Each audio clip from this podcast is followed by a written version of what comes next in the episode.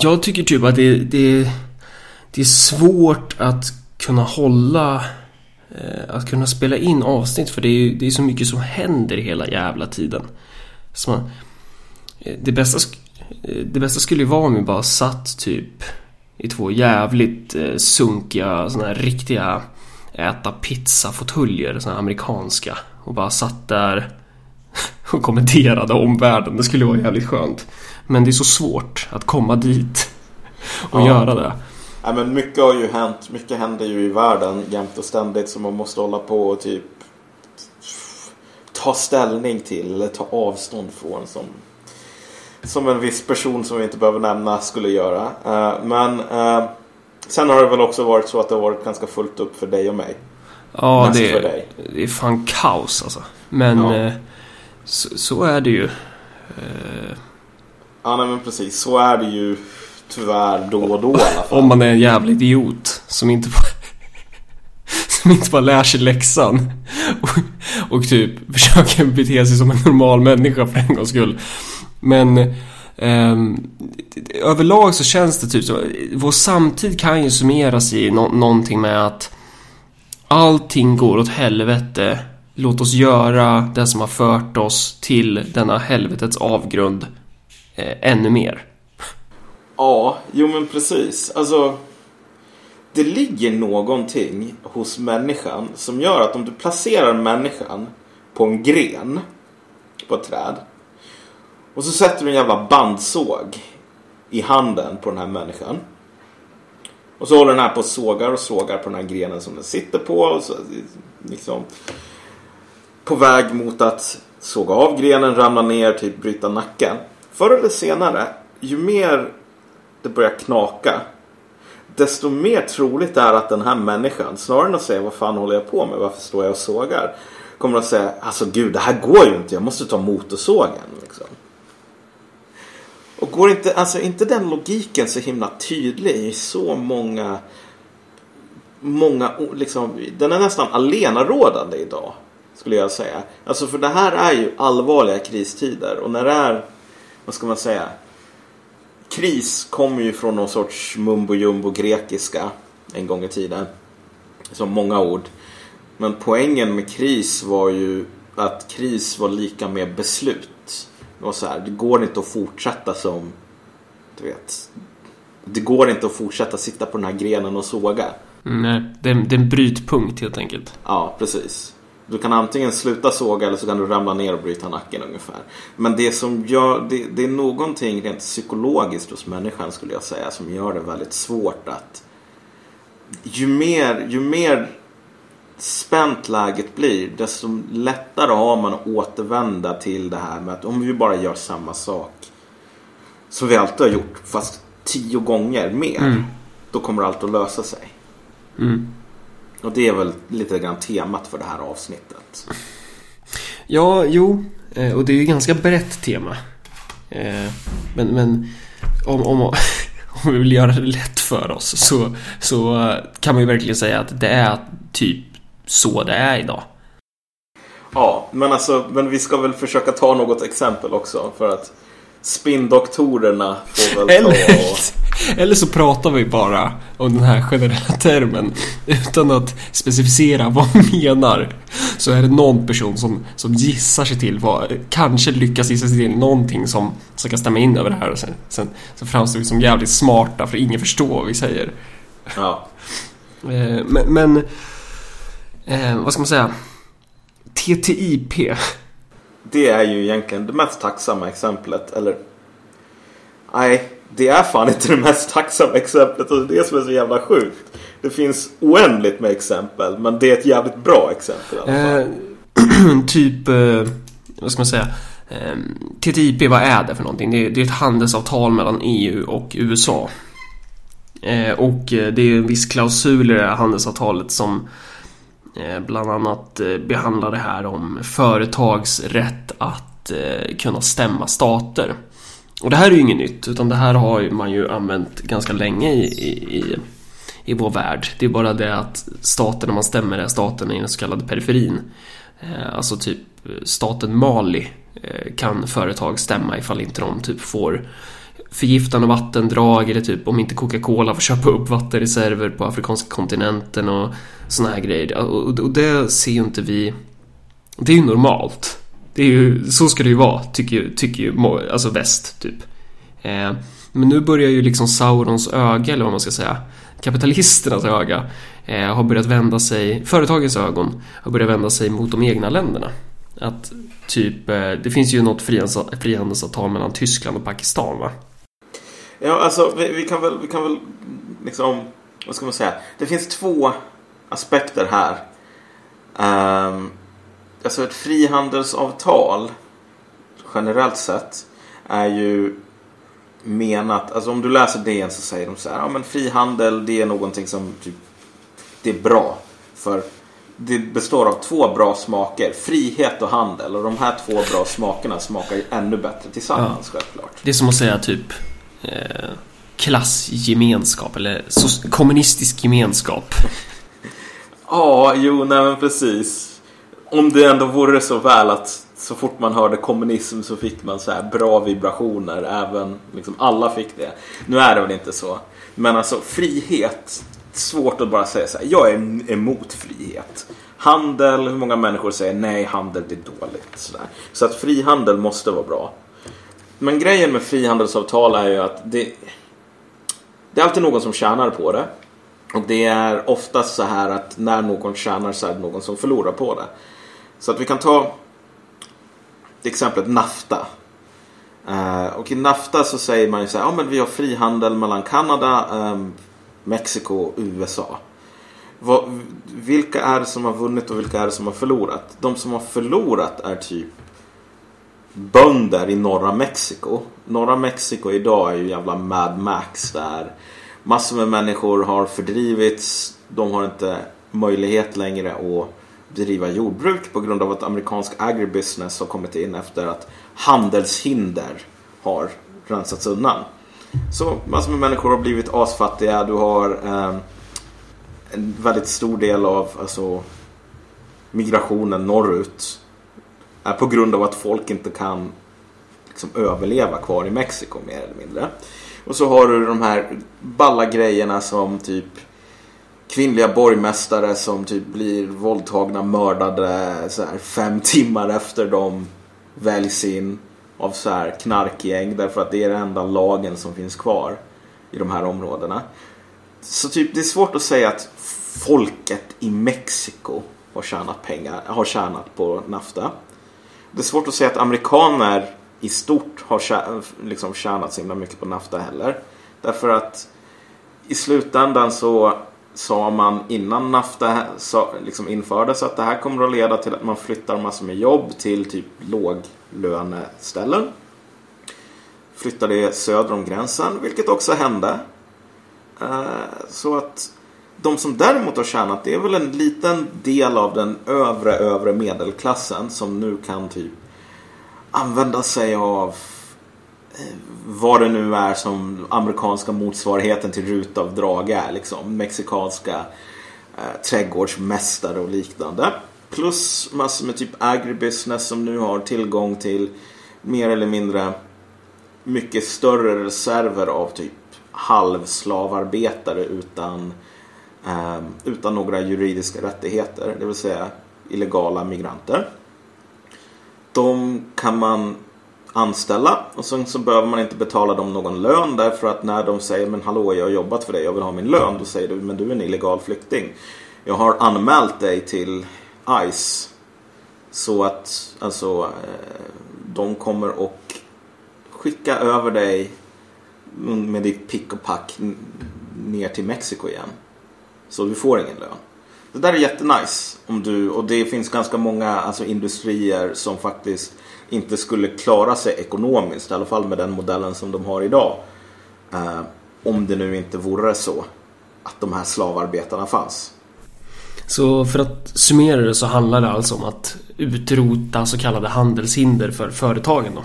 För, för kapitalisterna? Handelshinder är ju mer eller mindre hinder för att tjäna pengar. Och hinder för att tjäna pengar kan ju vara sådana här saker som jag vet inte dum kommunistisk sovjetisk byråkrati som typ ingen tycker om. det är ju i alla fall tänkbart så här, att det här om man tar bort sådana saker så kommer alla att tjäna på det.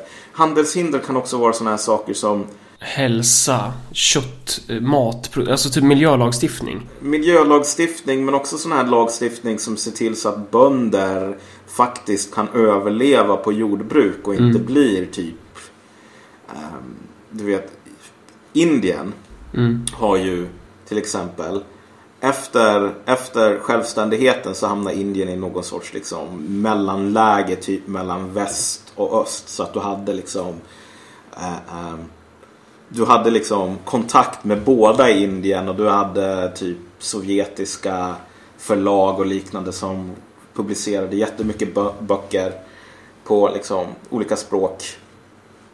Eh, disseminera de här i Indien. Och du hade liksom samma sak som skedde från väst här. Men Indien hade en ganska självständig policy. Liksom med att de skulle försöka bygga upp någon sorts ekonomisk nationalism. Eh, Vilket så- betyder att man håller vakt om sina egna företag. Man låter inte eh, andra företag komma in och ta bort så kallade handelshinder. Ja men precis. Man håller vakt om också sin egen liksom, befolkning om, det är massor om man har massor med små jordbrukare. Vilket man har i den delen av världen. Så, så att de här små jordbrukarna fick olika sorters subventioner. ehm, liksom, olika så här, central planering för att bistå dem med typ utsäde och liknande saker. Så de klarade sig ganska bra de här småjordbrukarna. Uh, ehm, idag så har du alltså en världens epidemi av um, självmord bland de här småjordbrukarna. Därför att nu har man tagit bort alla hinder för att tjäna pengar på jordbruk i Indien. Och det bästa sättet att tjäna pengar är inte att vara en småjordbrukare utan det är att vara någon jättestor amerikansk agribusiness som kommer in, köper ut de här eller typ använder, mutar lokala regeringar och liknande. Och sen så har du helt plötsligt en jättestor del av befolkningen som nu inte har no- liksom, en jävla potta att pissa i. Inte har något sätt att få mat på.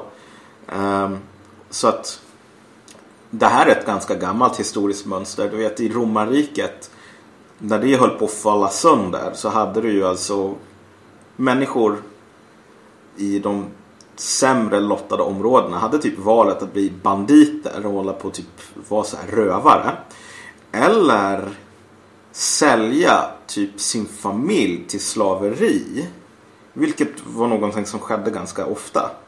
Så här. Du var tvungen att sälja din dotter eller typ din hustru eller någonting. Men då var slavarna var i alla fall garanterade mat och husrum. Och i bästa fall, ja. Alltså. Men du vet, man hade inget annat val därför att skattetrycket, skattebördan var liksom så otroligt hög. För att betala för det här sönderfallande imperiet.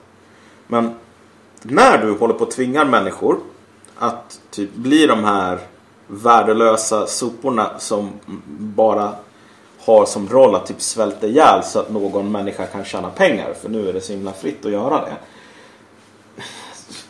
Du har lätt, risken finns ju att det blir folk blir ganska sura. Mm. Av mystiska anledningar. Så är det inte alltid så att folk tycker om det här. Och det är ju där som vi kommer till den här andra biten som ger TTIP sina klor.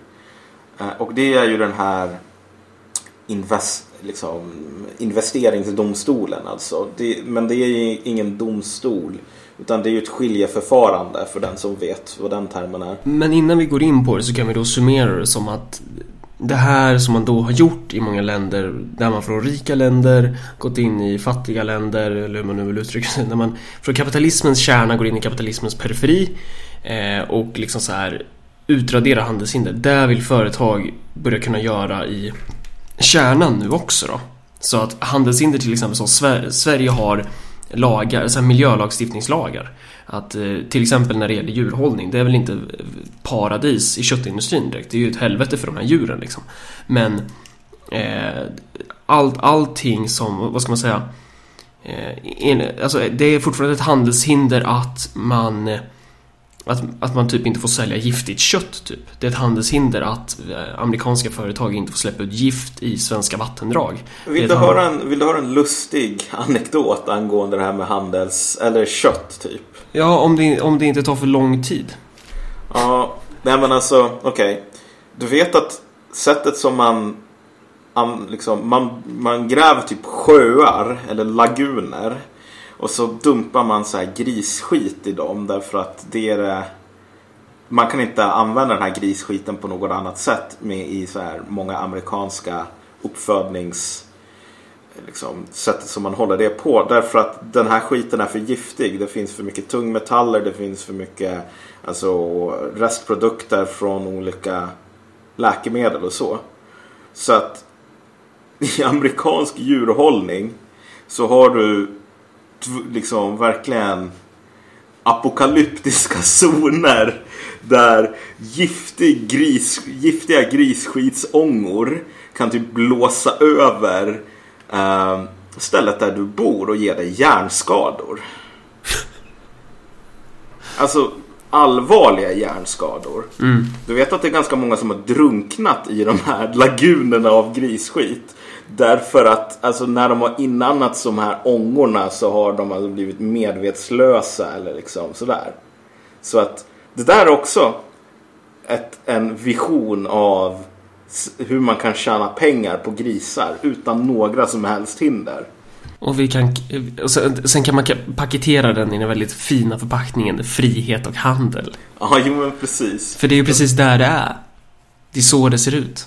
De som tvungnas, de som blir tvungna att inandas den här grisskiten och typ eh, får allvarliga utvecklingsstörningar av det. Därför att det här är inget, inget att leka med liksom. Ja, de...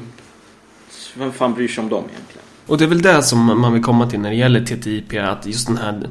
Alltså vilka är det egentligen som har möjlighet, alltså hur ser det här förfarandet ut när ett företag stämmer en stat? Och då ser det ut som så, som du var inne på, det här med Eh, att staten har då en advokat eh, Företaget har en och sen så är det en så kallad en tredje part och som ska vara en oberoende Eller en, en part som staten och företaget väljer Det är bara det att de här advokaterna de avlönas ju liksom av deras yrke är ju juridik som åt företag så. Så om de så här dömer ett företag dåligt i en sån här domstol då kommer ju de typ bli svartlistade eller få svårt att få jobb sen.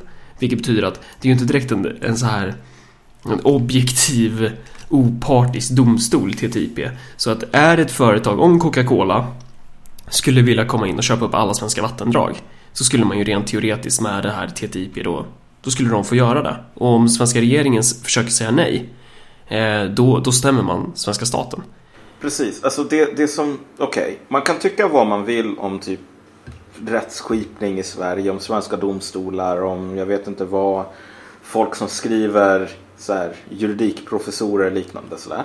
Det kan man tycka precis vad man vill om, men det är fortfarande ett juridiskt system.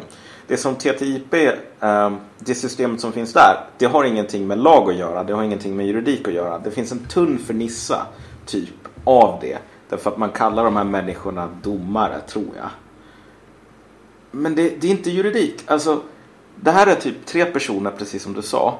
De har ingen lagbok. De har liksom ingen... De behöver aldrig uppge skälen till varför de dömer som de dömer. Det kan vara hemligstämplat. Och det finns ingen så här guide heller vad jag vet. För vad de liksom, okej okay, om du Coca-Cola stämmer Sverige. Då finns det ingen guide för vad man ska göra. Utan här har du människor som typ sitter och improviserar. Och improviserar när det gäller alltså mångmiljardbelopp i euros. Tänk dig. Någon som inte har någon som helst liksom en person som dessutom är avlönad av företag normalt sett. Alltså det finns inte så himla många domare som håller på, eller jurister som håller på med internationella skiljeförfaranden. Tror jag den svenska termen är. Så det är en väldigt liten exklusiv klubb och de som jobbar med internationella skiljeförfaranden de jobbar för företag. Alltså det är deras kunder. Så att när de då och då hamnar i något sånt här mål så är de ju helt medvetna om att de kan bli svartlistade om de dömer på fel sätt. Men om de dömer på rätt sätt så kommer de att få mer och mer och mer jobb. Och bättre och bättre och bättre betalt. Och det här är alltså människor som ges makten att säga till den svenska staten, vet du vad, du måste avskaffa alla dina lagar, eller ni måste avskaffa alla era lagar. Eh, som säger att det är olagligt att dumpa typ kadmium i Fyrisån. Varför då? Varför måste ni göra det? Jo, för att jag säger det. Och typ varför jag säger det, det, det har inte du någon rätt att veta. Nej. Ett skämt kallat demokrati. Hittepå, det är skådespeleri. Jag sitter inte inne men jag är inte fri. Fast i deras fängsel av ideologi. Lever i ett tillstånd mentalt slaveri. Parti som parti, de är alla borgarsvin Min röst kommer fortsätta eka. Min röst kommer stå upp för de svaga Min röst står över alla lagar. Det är folkets röst, det är folkets röst och det är också det här med svenska partier, hur, hur de ställer sig mot det här typ i riksdagen.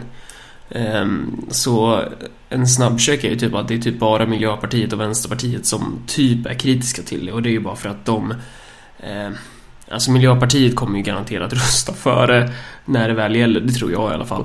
Uh, att så här uh, I förlängning, alltså Sverigedemokraterna, de här så kallade nationalisterna De har ju typ röstat för TTIP de säger att de ställer sig lite kritiska till den här klausulen om man ska få stämma stater men så här Kommer de i regering, klart som fan de kommer rösta för TTIP eh, Och, och eh, här har vi någonting, någonting intressant för att i framtiden så kommer vi då troligtvis få se ett läge där Svensk polis, där svenskt parlament ska försvara eh, liksom när ett företag har förgiftat typ en, ett vattendrag som försörjer väldigt många människor. Eh, de, de, de ska försvara det beslutet. Svensk polis ska gå ut och döda folk som demonstrerar mot det eller som försöker stoppa det här. Eh, eller ja, döda, det var kanske för ideologiskt stort hopp. Eh, men om vi säger så här, svensk polis ska garantera tryggheten för företagets möjlighet att verka enligt de demokratiskt fattade spelreglerna. Ja, och det som du sa om Tyskland innan, alltså det ironiska här är ju att Tyskland var alltså det första landet som införde, liksom, som slöt ett sånt här frihandelsavtal med ett annat land med en sån här skilje, skiljemålsförfarande. Eh, Tyskland idag, eller många i Tyskland i alla fall, är inte så jävla stora fan av sådana här saker längre. Trots att det var de som var pionjärerna. Kanske har det att göra med att Tyskland har blivit stämt för mångmiljardbelopp i euros av ett och samma företag flera gånger. Och det är så här att när du blir stämd då kommer du typ att förlora. Det är så här staterna förlorar majoriteten av sådana här mål. Och på något sätt så kom jag på mig själv med att tänka att eh, Alltså Vad är det nya här egentligen? För mig, för mig är det här bara ännu ett steg i klasskampen typ Alltså krasst sett så är det ju faktiskt det det här är ju liksom kapitalister som fortsätter vara kapitalister och jag tycker inte det är mer onaturligt än om man typ stänger in en tiger i en bur och så finns det typ eh, ett begränsat antal kaniner där och så finns det inget mer. Eh, och så börjar tigern så här äta de här, för det är det tigern lever på. Det är så en tiger gör. Den jagar sitt byte. Eh, den kommer ju inte direkt sluta jaga sitt byte när det är två eller en kanin kvar. Nej, men alltså Det sen kommer är väl frågan... Och det är det som är grejen, att kapitalister kommer ju inte direkt sluta att vara kapitalister. De, alltså, även om de själva kan stå och säga så här vi förstår att kapitalismen som system är ohållbart så kommer de ju inte ha något annat val än att fortsätta vara kapitalister. Men ju mer de sågar på den här grenen, ju mer tigern äter upp de sista kaninerna, till slut så når ju det en brytpunkt liksom. Men på vägen dit, alltså ju längre in man kommer tills det verkligen är dead end, alltså då har man gått väldigt, väldigt långt. Och det är väl det som är tendensen. Ja, alltså det, det, det här rör vi ju liksom lite grann. Vi, vi kommer att tala om lite andra saker än TTIP lite senare. Men här rör vi, sätter vi fingret lite grann på själva kärnan.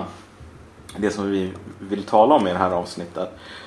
Det som jag, en sak som jag bara kan inflika här är ju att Ja, nu har vi fått mycket kritik för våra djurmetaforer och liknande. Men tydligen ska Jan Myrdal ha mycket folkligare metaforer än oss. Och vi får väl fortsätta jobba på det där. Men eh, frågan är väl om tigern faktiskt är i den här buren egentligen. Jag menar typ, det var ju franska aristokrater slutade ju inte att vara franska aristokrater.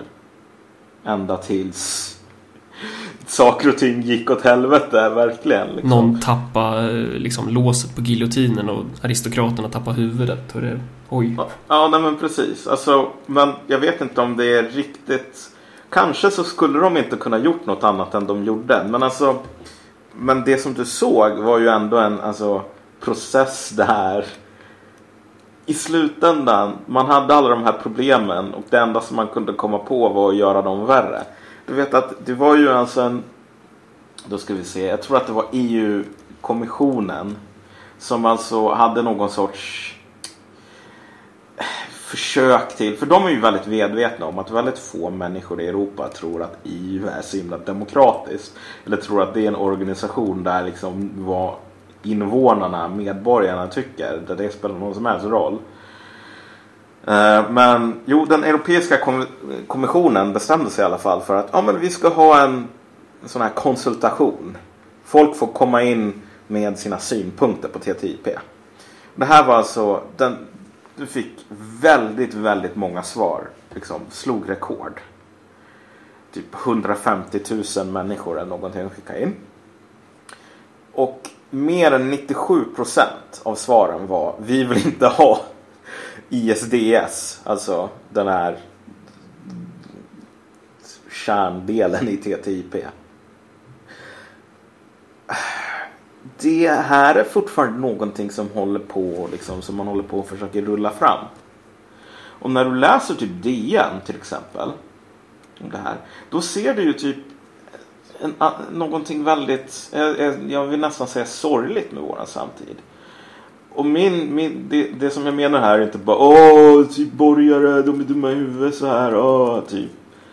Den där sortens kritik. Den, jag menar du och jag, varit, du och jag har varit med i Ung Vänster, vi vet precis hur den kråksången går liksom. Jag är ganska trött på den. Det som jag tycker är jävligt sorgligt med att läsa DN är bara att inse, vet du vad, det här har hänt förut. Typ.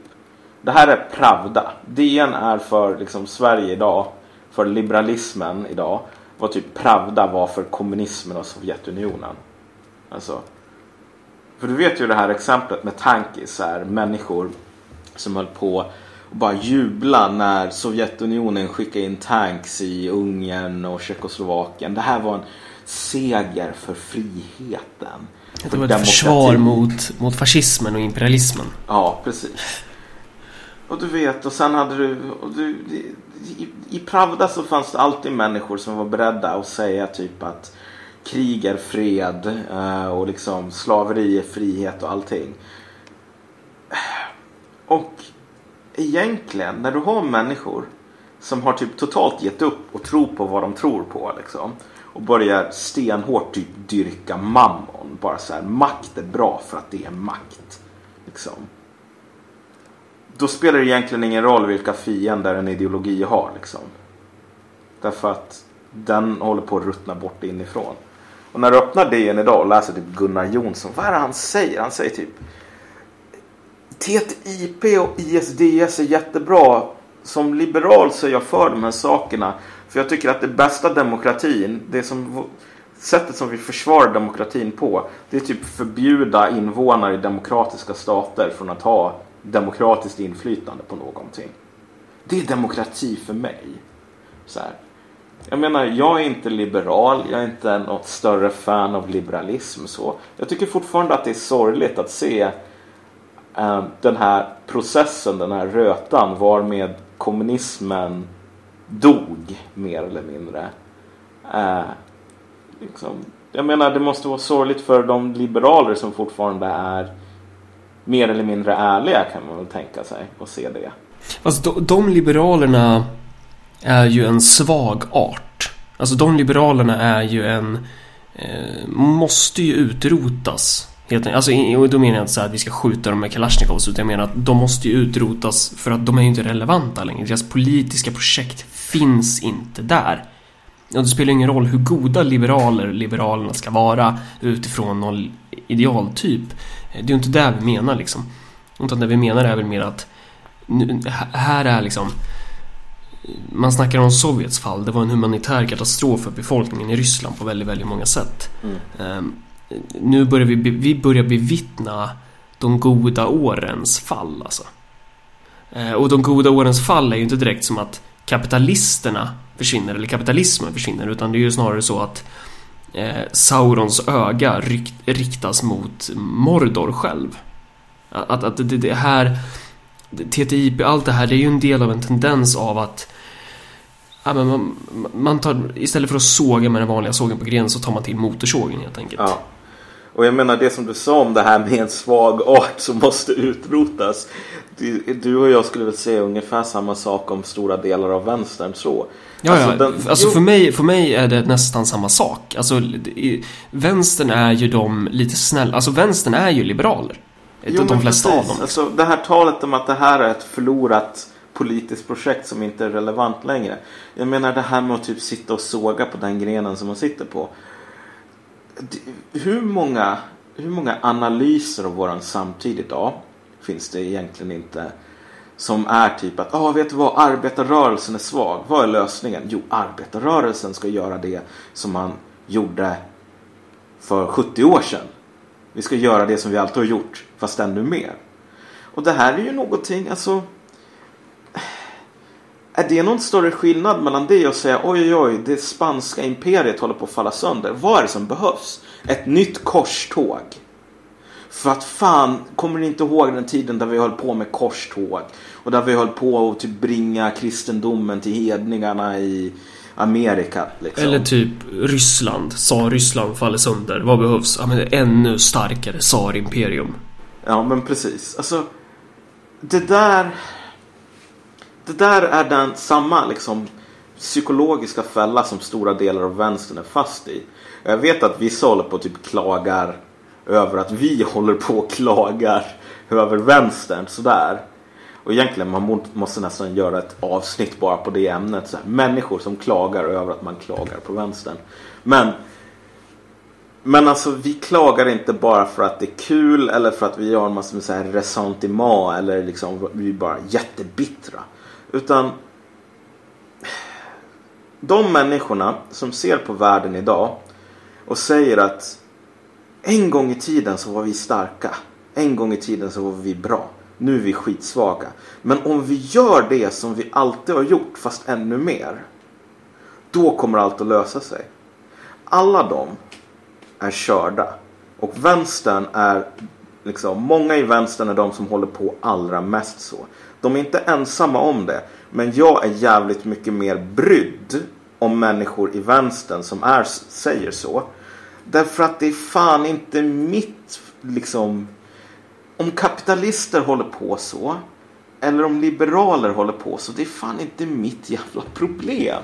De får fan sköta det själva liksom. Men, men jag, jag känner samma sak med vänstern. Ja, Det, jo, det men- är inte ditt problem heller. Eller är det det? Ja, alltså, eh, i, i, vad ska man säga? I, eh, vissa människor går och, och rädda, tror jag. Mm. Eller vad man nu ska säga. Liksom. Ehm, men, men du fattar vad jag menar. Det är så här att man kritiserar inte liksom, motståndaren på det planet för att motståndaren inte, jag vet inte vad, liksom spelar så smart som man kunde göra. Liksom. Vad fan, det är dens problem. Så här. Och man kritiserar inte heller till borgare för att de är bra på att föra borgerlig politik. Det är ju absurt. Det är ju fan deras jobb. Men vänstern är ju motståndare. Så länge vänstern är som den är nu. Alltså det vi behöver är en, är en ny kommunistisk rörelse. Nu låter jag så här, vi behöver arbetarrörelsen. Nej men alltså, vi behöver ju en, en rörelse av och för idag. Typ. Ja, vi, behöver, vi behöver verkligen sätta betoningen på ny. Därför att Ja. om någon som är liksom lite så här skadad av att ha, ha med vänstermänniskor att göra. Så vet de ju att så här, när typ en trotte säger vi behöver ny arbetarrörelse, vi behöver ny kommunism. Det är ett kodord för vi behöver en jävligt gammal sådan. Där ingenting överhuvudtaget är nytt liksom. Det, då är det dags att hämta ishackan helt Ja, enkelt. Det är, precis. ja. Och det är verkligen inte så vi menar. Vi menar inte att vi behöver en ny grej som är, du vet, så här, gammalt vin i nya flaskor. Utan vi behöver nytt vin i nya flaskor. Så. För övrigt kan man mäta en, en eh, organisations eh, chans till, till att överleva i, i hur mycket trot, trotskister tycker om den. Alltså Trotskij var ju på många sätt ett politiskt geni, det måste man ju erkänna. Ja. Eh, och, och så. Så inget ont om eh, Leon Trotskij här nu, men, men så här, hans efterföljare, eller påstådda efterföljare, alltså trottar som, som de är. Alltså, man kan ju verkligen, om, om trotskister gillar ett projekt, eh, då, då är det farligt. De är typ som så här Hattifnattarna i Mumin. Är det inte de som dyker upp? Alltså när det, är när det är fara typ, är det då Hattifnattar kommer? Eller vad är de, jo, de kommer och så bara är de där. Och sen Ja. liksom kan man ju inte vara i närheten av dem. För de bara förstör allting. Om man, om man spelar Drakar och Demoner Ja, eh, och, så, jo. och så kommer man liksom in i en grotta och så ser man att det är jävligt mycket trotskister där. Då vet man att okej, det, det är dags att lubba åt helvete. Walk away from the knas. Alltså, Ja. då är det fara. Eh, varför sa jag det här nu? Hur som helst, det, det, det, det är liksom bara allmänt om, om, om Vi det. måste få in en eller flera referenser till World of Warcraft, Drakar och Demoner eh, eller typ något Paradox-spel eller Civilization. Det är lag på det. Så det var därför som du sa. Nej men vänstern är ju verkligen fast i det där alltså. Eh, och ja, men det får de jättegärna va- vara. Du sa det här att du har liksom inget eh, resentment typ. Eh, så jag, jag känner ett genuint hat mot svenska vänstern. Alltså jag gör det. Jag gör det inte på ett politiskt plan utan jag gör det på ett personligt plan också. Jag tycker det är jättebra att de dör ut. Eh, det, det är deras funktion. Ja, Det är de deras kommer ju att göra det tyvärr. Ja. Alltså, Och, och, för för jag, är, jag är inte en del av dem. Jag vill inte vara en del av dem. Jag... Usch! Jag, jag tar avstånd. Du tar avstånd Jag alltså. tar avstånd från svenska vänster. Ja. Ja. Så enkelt för så svart och vitt Eller kanske rött och blått Nu ska jag äga det ditt och mitt Men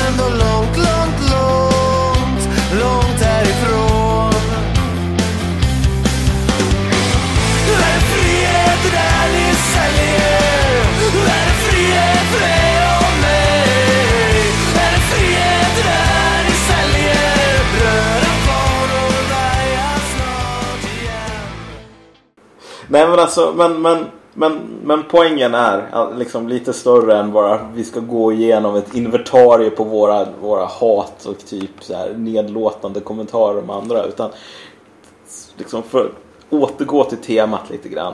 Så det är väldigt vanligt idag. Och typ vänstern är ju ett bra exempel på det. Liksom. Men, men de här EU-byråkraterna som säger ja men vet du vad, vi vet att folk eh, inte tror att det finns någon demokrati i EU. Och det är en, om, om, om det fortsätter tillräckligt länge så kommer folk att ha sönder EU. Det kommer att gå sönder. Vilket vi redan håller på att se idag. Hur EU håller på att ramla ihop. Vad gör vi? Jo, vi har en konsultation så att folk får så att vi kan låtsas som det finns demokrati. Och sen du vet så 97% säger nej det här vill vi inte ha. Och det är inget, inte ens en dealbreaker. Du vet, när man är sån, då, då... Eller ta USA liksom. Vad är det som... USA har typ förlorat alla krig sedan 9-11 som man har varit med i. Det har bara varit en total katastrof. Man har spenderat mer pengar i Irak än vad man gjorde i Vietnam. Alltså i justerade, dollarjusterade för inflation. I, Irak, I Vietnam så slogs man alltså mot Vietkong. Man slogs mot Nordvietnam, en stat. Som dessutom hade en jävla liksom öppet check liksom häfte. Hos både Kina och Ryssland. Inte alltid båda på samma gång.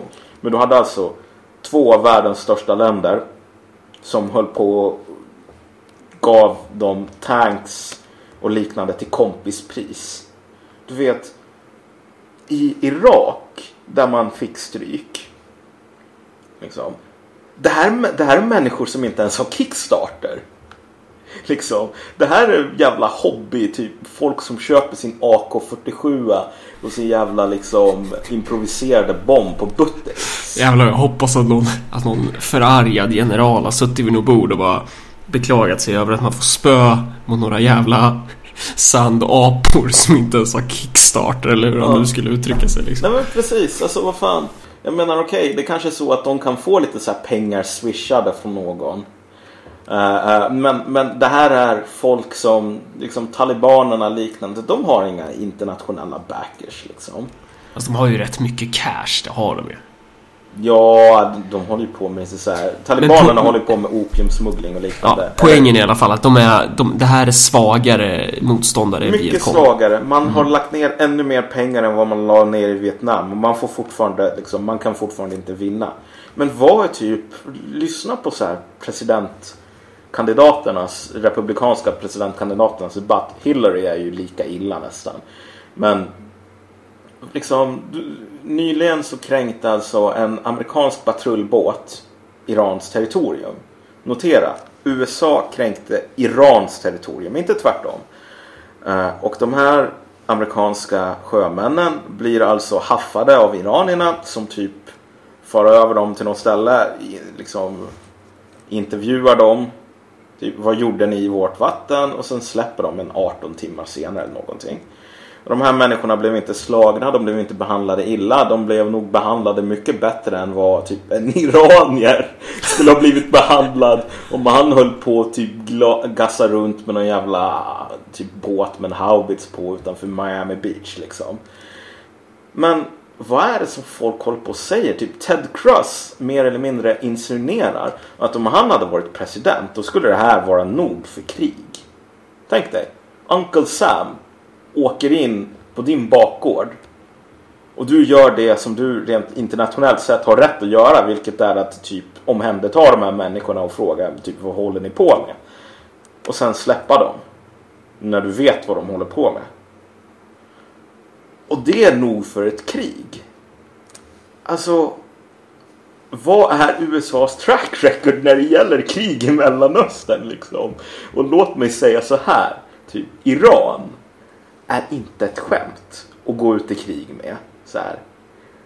Iran behöver, de har inte kickstarter när de ska liksom skramla ihop vapen.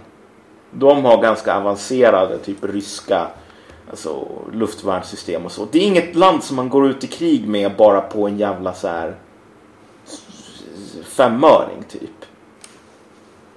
Men du vet, alltså den sortens logik. Det är inte så att Ted Cruz tror på det här. Att han skulle gå ut i krig. Men det är bara det enda som man kan säga. Du vet, USA. Kommer du inte ihåg hur jävla balla vi var? När vi vann i andra världskriget och när vi krossade kommunismen och bla bla bla. Så här.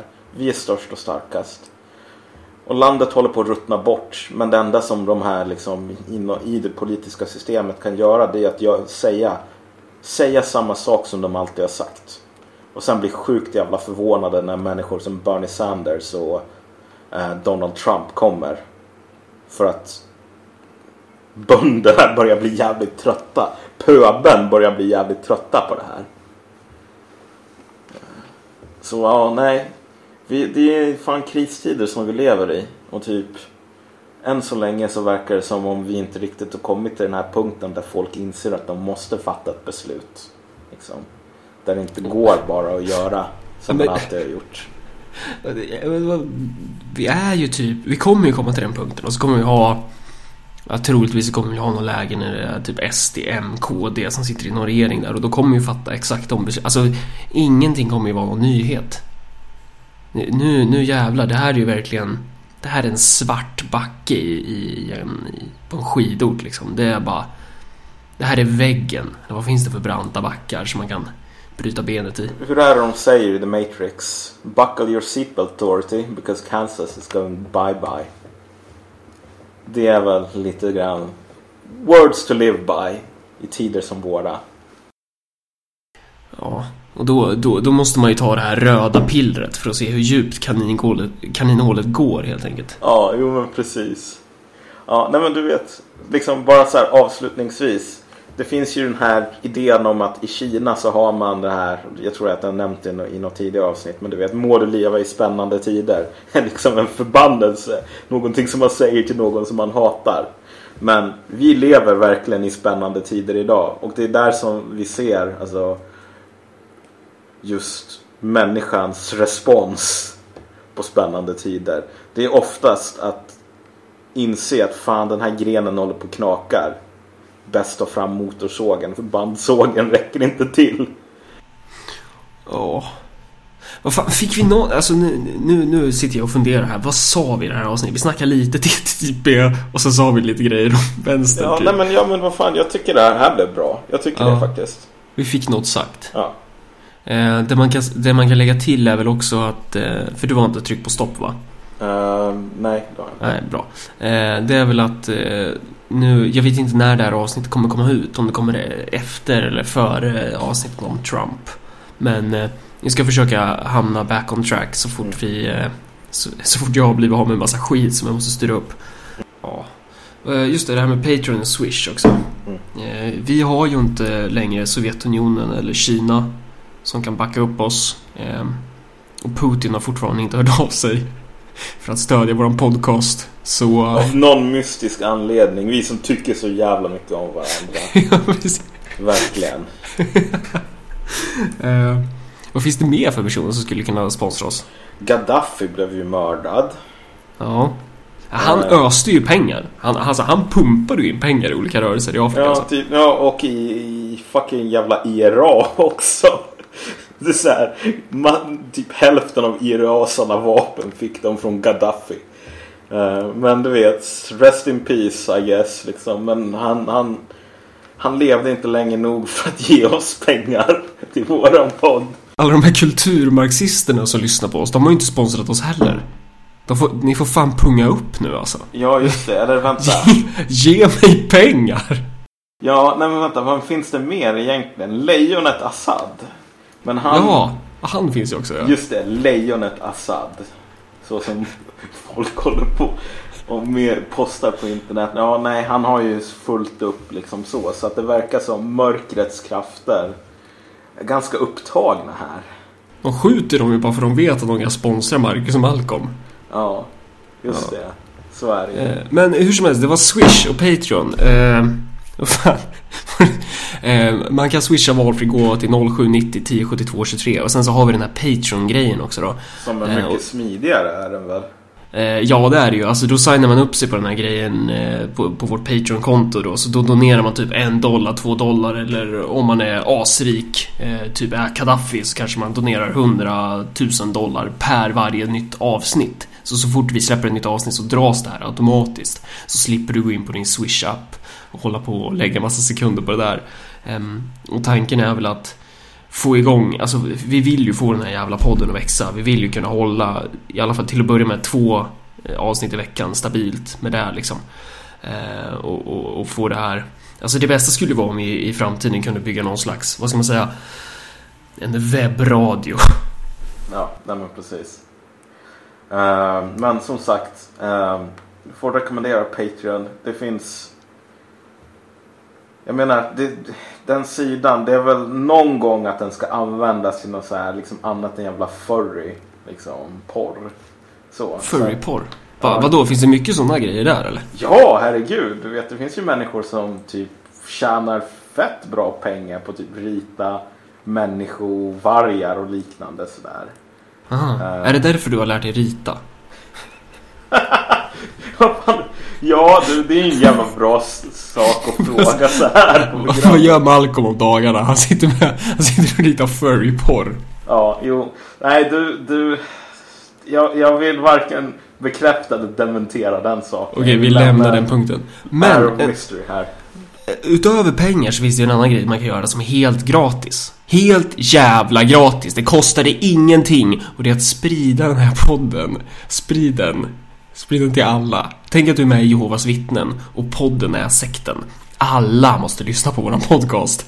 Eh, och är du en av alla dessa kulturmarxister som lyssnar på oss, varför har du inte skrivit om oss än? Varför har du inte använt en sida på en kultursida eller ledarsida om de här så jävla sura, cyniska kommunisterna som bara sitter och rantar ner på allting och, och typ har rätt och sådär.